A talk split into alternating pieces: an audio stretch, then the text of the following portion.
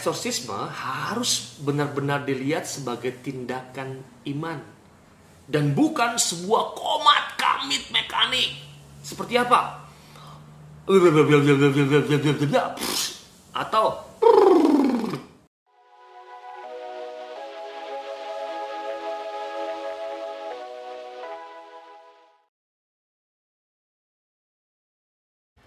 Halo, saya Romo Gandhi. Kita ketemu lagi dalam cerita Mogan. Cerita kali ini kita akan membahas sebuah pertanyaan yang menarik yang sering kali ditanyakan oleh umat beriman yang Katolik kepada para imam. Apa bedanya doa pembebasan atau deliverance prayer dengan eksorsisme? Ada pembedaan antara doa pembebasan dengan eksorsisme. Perbedaan yang pertama, kalau berbicara tentang pembebasan, doa pembebasan itu merupakan doa pengusiran setan. Maka catatannya adalah jika dipanjatkan dengan penuh keyakinan akan didengarkan dan dikabulkan oleh Tuhan. Dan iman kepada Tuhan Yesus Kristus itulah yang bangkit dan jaya mengalahkan setan yang merupakan dasar dari doa pembebasan ini. Secara teologis, doa yang bersumber dari iman orang terbaptislah yang bisa mengusir si jahat atau kita katakan setan. Maka dalam arti tertentu, inilah pelaksanaan imamat umum kaum beriman imamat umum kaum beriman. Artinya, saya mau mengatakan siapa pun boleh berdoa untuk mengusir setan. Nah, sedangkan eksorsisme adalah tindakan resmi gereja yang mengusir setan. Tindakan resmi gereja yang mengusir setan.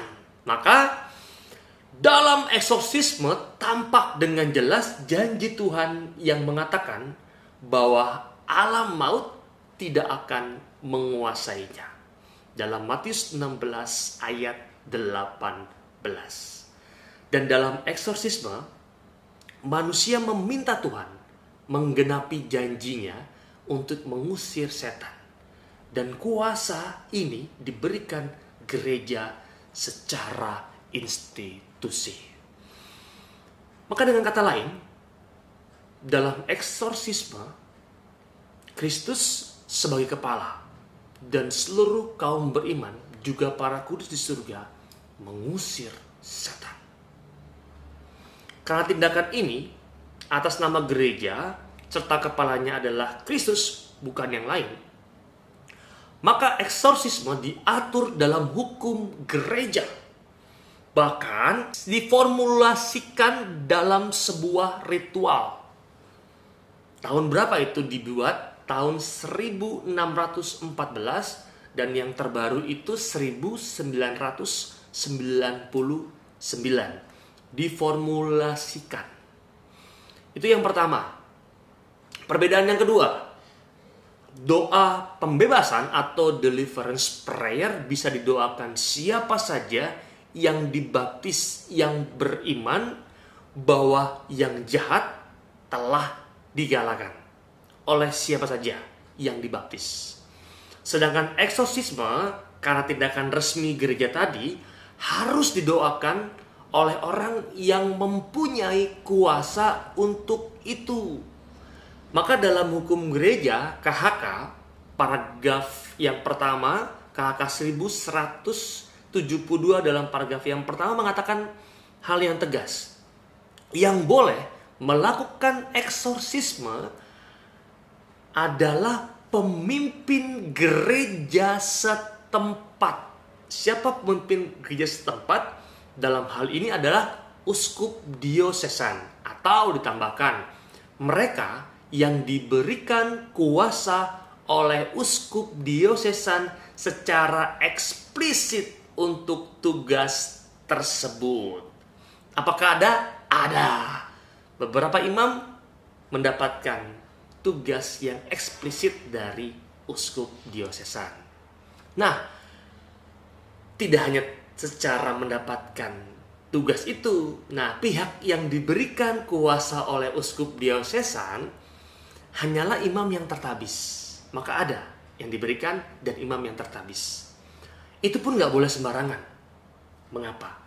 Karena imam yang tertabis itu pun juga harus mempunyai beberapa kriteria yang khusus. Mereka yang mempunyai pengetahuan yang memadai dalam hal iman dan moral atau teologi, juga eksorsisme, juga bijaksana, serta mempunyai integritas iman dan moral yang teruji dan yang sudah dikenal oleh gereja. Itu ditegaskan dalam KHK 1172 paragraf yang kedua. Doa yang dipakai pun itu khusus, yaitu ritual eksorsisme yang telah diakui gereja. Dan ini biasanya diterbitkan oleh kongregasi ibadat ilahi atau sakramen di Vatikan sana. Dan yang pasti sudah disetujui oleh Bapak Paus. Nah, sekarang yang digunakan dewasa ini adalah ritual eksorsisme yang diterbitkan tahun 1999 tanpa mengatakan ritual yang lama tahun berapa? Tadi 1614 tidak boleh dipakai atau dipergunakan. Tidak mengatakan hal itu dan ritual eksorsisme tahun 1999 itu merupakan pembaruan liturgi. Terakhir dilakukan setelah Vatikan yang kedua, betul. Dan ada doa lain yang digunakan. Adalah doa pengusiran setan dan malaikat yang jatuh. Itu karangan dari Paus Leo ke-13. Dan catatannya adalah doa ini pun hanya boleh didoakan oleh imam menurut instruksi kongregasi ajaran iman tahun berapa? 1975. Ada catatan-catatan penting yang hari ini saya mau mengatakan jika mau berbicara tentang pembedaan antara deliverance prayer dan eksorsisme. Yang pertama itu gini, eksorsisme harus benar-benar dilihat sebagai tindakan iman dan bukan sebuah komat kamit mekanik. Seperti apa? atau bukan begitu. Lalu sendirinya dengan komat kamit mekanik itu yang didoakan pasti beres atau sembuh. Hahaha. Bukan. Catatannya adalah tindakan iman. Selanjutnya adalah ini juga penting. Semua itu adalah urusan Tuhan.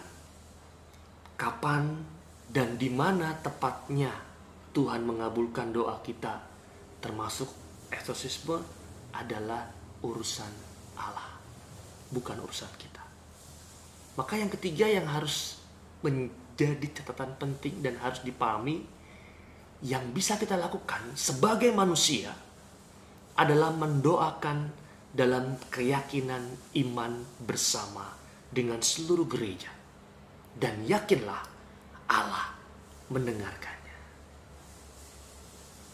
itu perbedaannya. Jelas sekali ya. Deliverance prayer dengan eksorsisme. Tidak boleh sembarangan. Maka adakah iman, imam yang mendapat tugas ada. Tetapi tidak seluruh imam mendapatkan.